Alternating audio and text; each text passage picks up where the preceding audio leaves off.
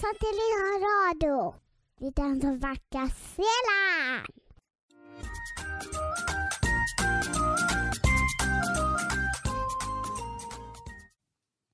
Lovet være Jesus Kristus, og velkommen til en ny episode med Hverdagsfrø for små helter med meg, Erika. Jeg håper du har hatt en fin helg og en god start på en ny uke. I denne uken feirer vi en spesiell fest, nemlig festen for de hellige erkeengler Mikael, Gabriel og Rafael. Har du hørt om de, og vet du hvem de er? Da skal jeg fortelle litt om de englene. Den hellige Mikael er lederen for alle Guds engler, og den som passer på oss alle. Derfor er den hellige Mikael kalt skytshelgen for den katolske kirken. Den hellige Gabriel er Guds spesielle budbringer. Det er engelen som fortalte den hellige Maria at hun skulle føde Jesus, Guds sønn, og den hellige Rafael. Navnet hans betyr Gud har helbredet. Når Gud vil sende en engel til jorden for å gjøre noen frisk, velger han ofte den hellige erkeengel Rafael. Tenk at Gud har gitt oss mennesker tre store erkeengler som er så sterke at de kan passe på oss alle sammen i hele verden. Det gjør oss trygge og glad å vite det. Nå skal vi være med Camilla på en ny katekese. Er du klar og nysgjerrig for å høre på hva hun vil snakke om i dag? Vær så god. Hei og velkommen til katekesen her i Hverdagsfrø. Vi har om Faderen i Bibelen denne måneden, og vi er nå kommet til Sønnens, Jesu liv her på jorden, og den rollen som Faderen hadde i hans liv. Jesus hadde et veldig nært bånd til sin far i himmelen hele sitt liv og da han ble voksen, omreisende rabbi og fikk disipler, fortalte og underviste han dem blant annet om Faderen, hvem han er for verden, for Jesus og menneskene som tror på han. Og etter hvert som slutten nærmet seg for Jesus, da han skulle bli korsfestet i Jerusalem etter godt og vel tre år på reisefot i det hellige land med disiplene, så talte han stadig oftere om sin far i himmelen med disiplene sine. Faderen var alltid med Jesus gjennom alt, og da Jesus ble korsfestet og døde, var han også med ham. Jesu død på korset var ikke som enhver annen død som et menneske dør. Det var en helt spesiell død, som var mye sterkere og tyngre enn den døden vi mennesker ellers dør.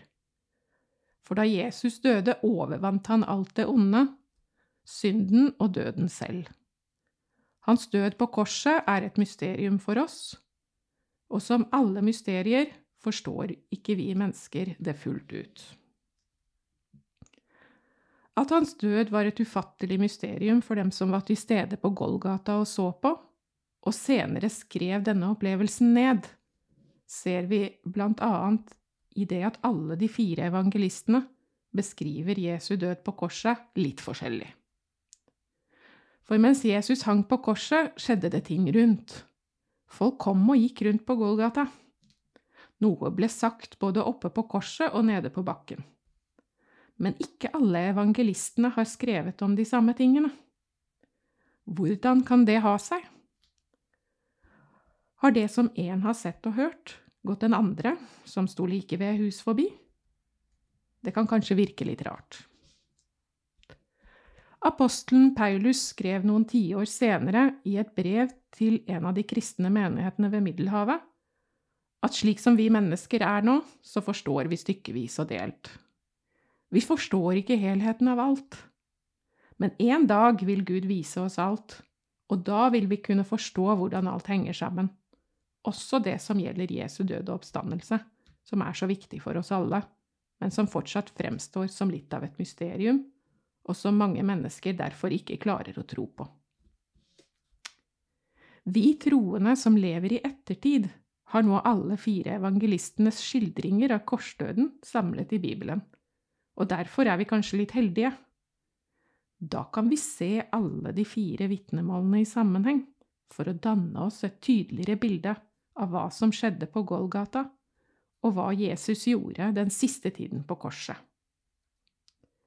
Da er det som noen brikker i et puslespill kan falle på plass, slik at vi ser mer av det store bildet. I sin død på korset utførte Jesus en stor og viktig handling som berører ethvert menneske som noen gang har levd, på en helt grunnleggende måte. Det som fremstår som veldig tydelig, er at Jesus gjorde dette sammen med Faderen, og at Faderen var med han gjennom alt sammen. Nå skal vi lese hvordan to av evangelistene skriver om Jesu død på korset. Her kommer først Markus. Da den sjette time kom, falt det et mørke over hele landet, helt til den niende time. Og ved den niende time ropte Jesus med høy røst, Eloi, Eloi, lema sabachthani. Det betyr Min Gud, min Gud, hvorfor har du forlatt meg? Noen av dem som sto der, hørte det og sa, Hør, han roper på Elia. Da løp en bort og fylte en svamp med vineddik, satte dem på en stang og ville gi ham å drikke. Han sa, Vent, La oss se om Elia kommer for å ta ham ned. Men Jesus ropte høyt og utåndet. Slik lyder Herrens ord. Så skal vi høre evangelisten Lukas. Det var allerede omkring den sjette time. Da falt det et mørke over hele landet, helt til den niende time, for solen ble formørket. Forhenget i tempelet revnet etter midten, og Jesus ropte med høy røst, Far, i dine hender overgir jeg min ånd. Da han hadde sagt det, utåndet han. Slik lyder Herrens ord. Tusen takk for en fin katekese, Camilla. Nå videre skal vi høre om Freddy Edderkopp, hva han kan finne på i dag. Vær så god, pater Sigurd. Vi følger med. Åttende kapittel Ekteskapet Vi småløp mot sakristiet og bort fra Erna. Wilfred peste og hev etter bussen. Det var tydelig at løping ikke var hans sterkeste side. Men han klarte allikevel å stotre frem noe som lignet på Håper det holder denne gangen. Hva håper du holder, stønnet jeg idet vi kastet oss inn i sakristiet. Forholdet, gispet han og stanset. Hun får seg kjæreste, men så snart hun er lei, så Han hevet pusten. Så hva da? skjøt jeg utålmodig inn. Så spiser hun ham. Spiser! skrek jeg og visste godt at noen edderkoppdamer spiser mannen sin så snart de har vært sammen, men å vite at, edderkopp, at en edderkoppdame på andre siden av døren gjorde det, det skremte vettet av meg.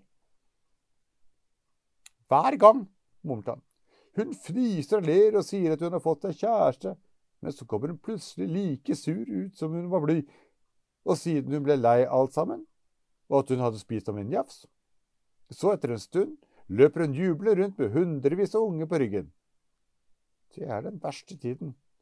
Det kan jeg skrive under på. Tenk, hundrevis av rovedderkopper sammen med lille meg. Han slo oppgitt ut på armene. Da foretrekker jeg ekteskapet. Ekteskapets sakrament? spurte jeg. Han nikket og ville forklare, men akkurat da kom Erna. Å, nå, jeg ble så sulten, kniste hun og slikket seg av munnen mens siklet rant fra munnviken. Eh, hvor er eh, Hans? spurte Wilfred tørt og dro meg med opp etter veggen.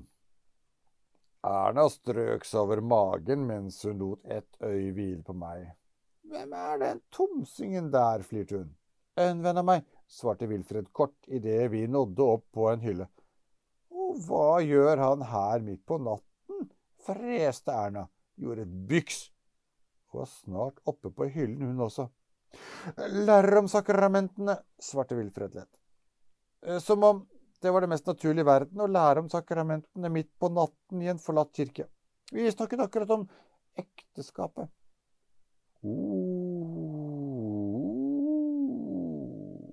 ekteskapet, fnøs Erna Honning.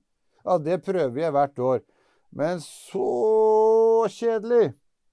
Ender alltid et rødt øyn, og så sitter de igjen med alt ansvaret alene. Det er vel din egen feil, sa Wilfred surt. Han dyttet meg bort fra Erna og begynte å marsjere som en soldat mellom oss. Ekteskap er noe annet enn det du holder på med. Det vet du, Erna. Ekteskapet skal vare, og det skal være et fellesskap. Det er ikke alltid et ekteskap varer, glefset Erna, mens siklet fra munnviken sprutet over oss. Wilfred strøk en hånd gjennom luggen og ristet det av seg.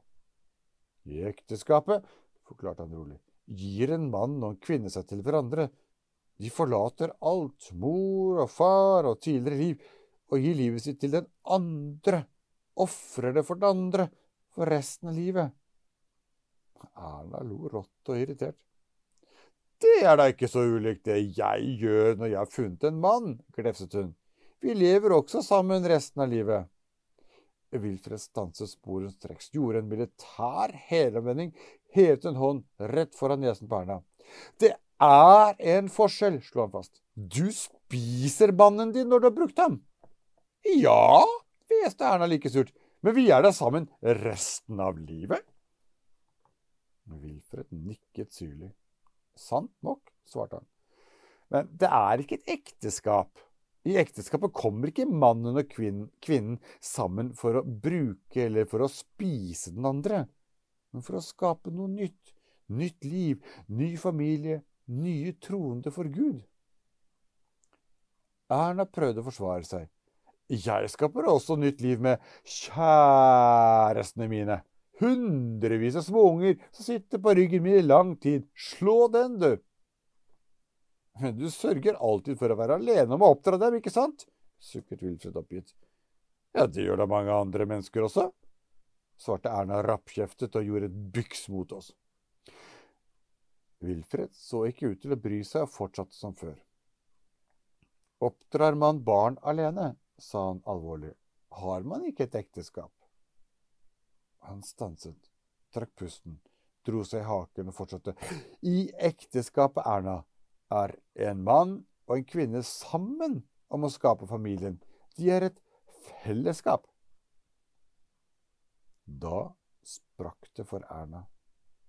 Nå er du skikkelig urimelig. Vilfred! skrek hun i stakkatotakt og jumpet mot oss. La meg si det sånn, ja, jeg er alene om å ta meg av familien min, hundrevis av unger, men jeg oppdrar også ungene. Jeg bærer dem på ryggen, akkurat slik kirken bærer ungene sine til Gud. Og så løp hun fornærmet ned fra hyllen og forsvant. Tusen takk for en fin historie om Freddy. Håper dere også har lært så mye som han i dag. Nå som nærmer seg slutten av denne uken sin onsdagskatekese, da, som vanlig, bruker vi å be til slutt. I dag syns jeg, siden vi skal feire de hellige erkeengler, da skal vi be de om forbønn. Så først ber vi en Fader vår. Og så sier vi navnet på erkeenglene, og så sier vi Be for oss. Er dere klare? Fader vår, du som er i himmelen. Helliget vorde ditt navn. Komme ditt rike. Skje din vilje, som i himmelen, så på jorden. Gi oss i dag vår daglige brød og forlat oss vår skyld, som vi og forlater våre skyldnere. og led oss ikke inn i fristelse, men fri oss fra det onde. Amen. Hellige erkeengel Mikael, be for oss. Hellige erkeengel Gabriel, be for oss. Hellige erkeengel Rafael, be for oss. Fader vår, du som er i himmelen. Helliget vorde ditt navn. Kom med ditt rike. Skje din vilje, som i himmelen så òg på jorden. Gi oss i dag vår daglige brød, og forlat oss vår skyld, som vi òg forlater våre skyldnere. Og led oss ikke inn i fristelse, men fri oss fra det onde. Amen. Hellige apostel Matteus, be for oss. Takk for denne stunden. Så høres vi snart igjen i neste episode. Følg med, og vær nysgjerrig på Gud, og lær mer om ham. Ha det!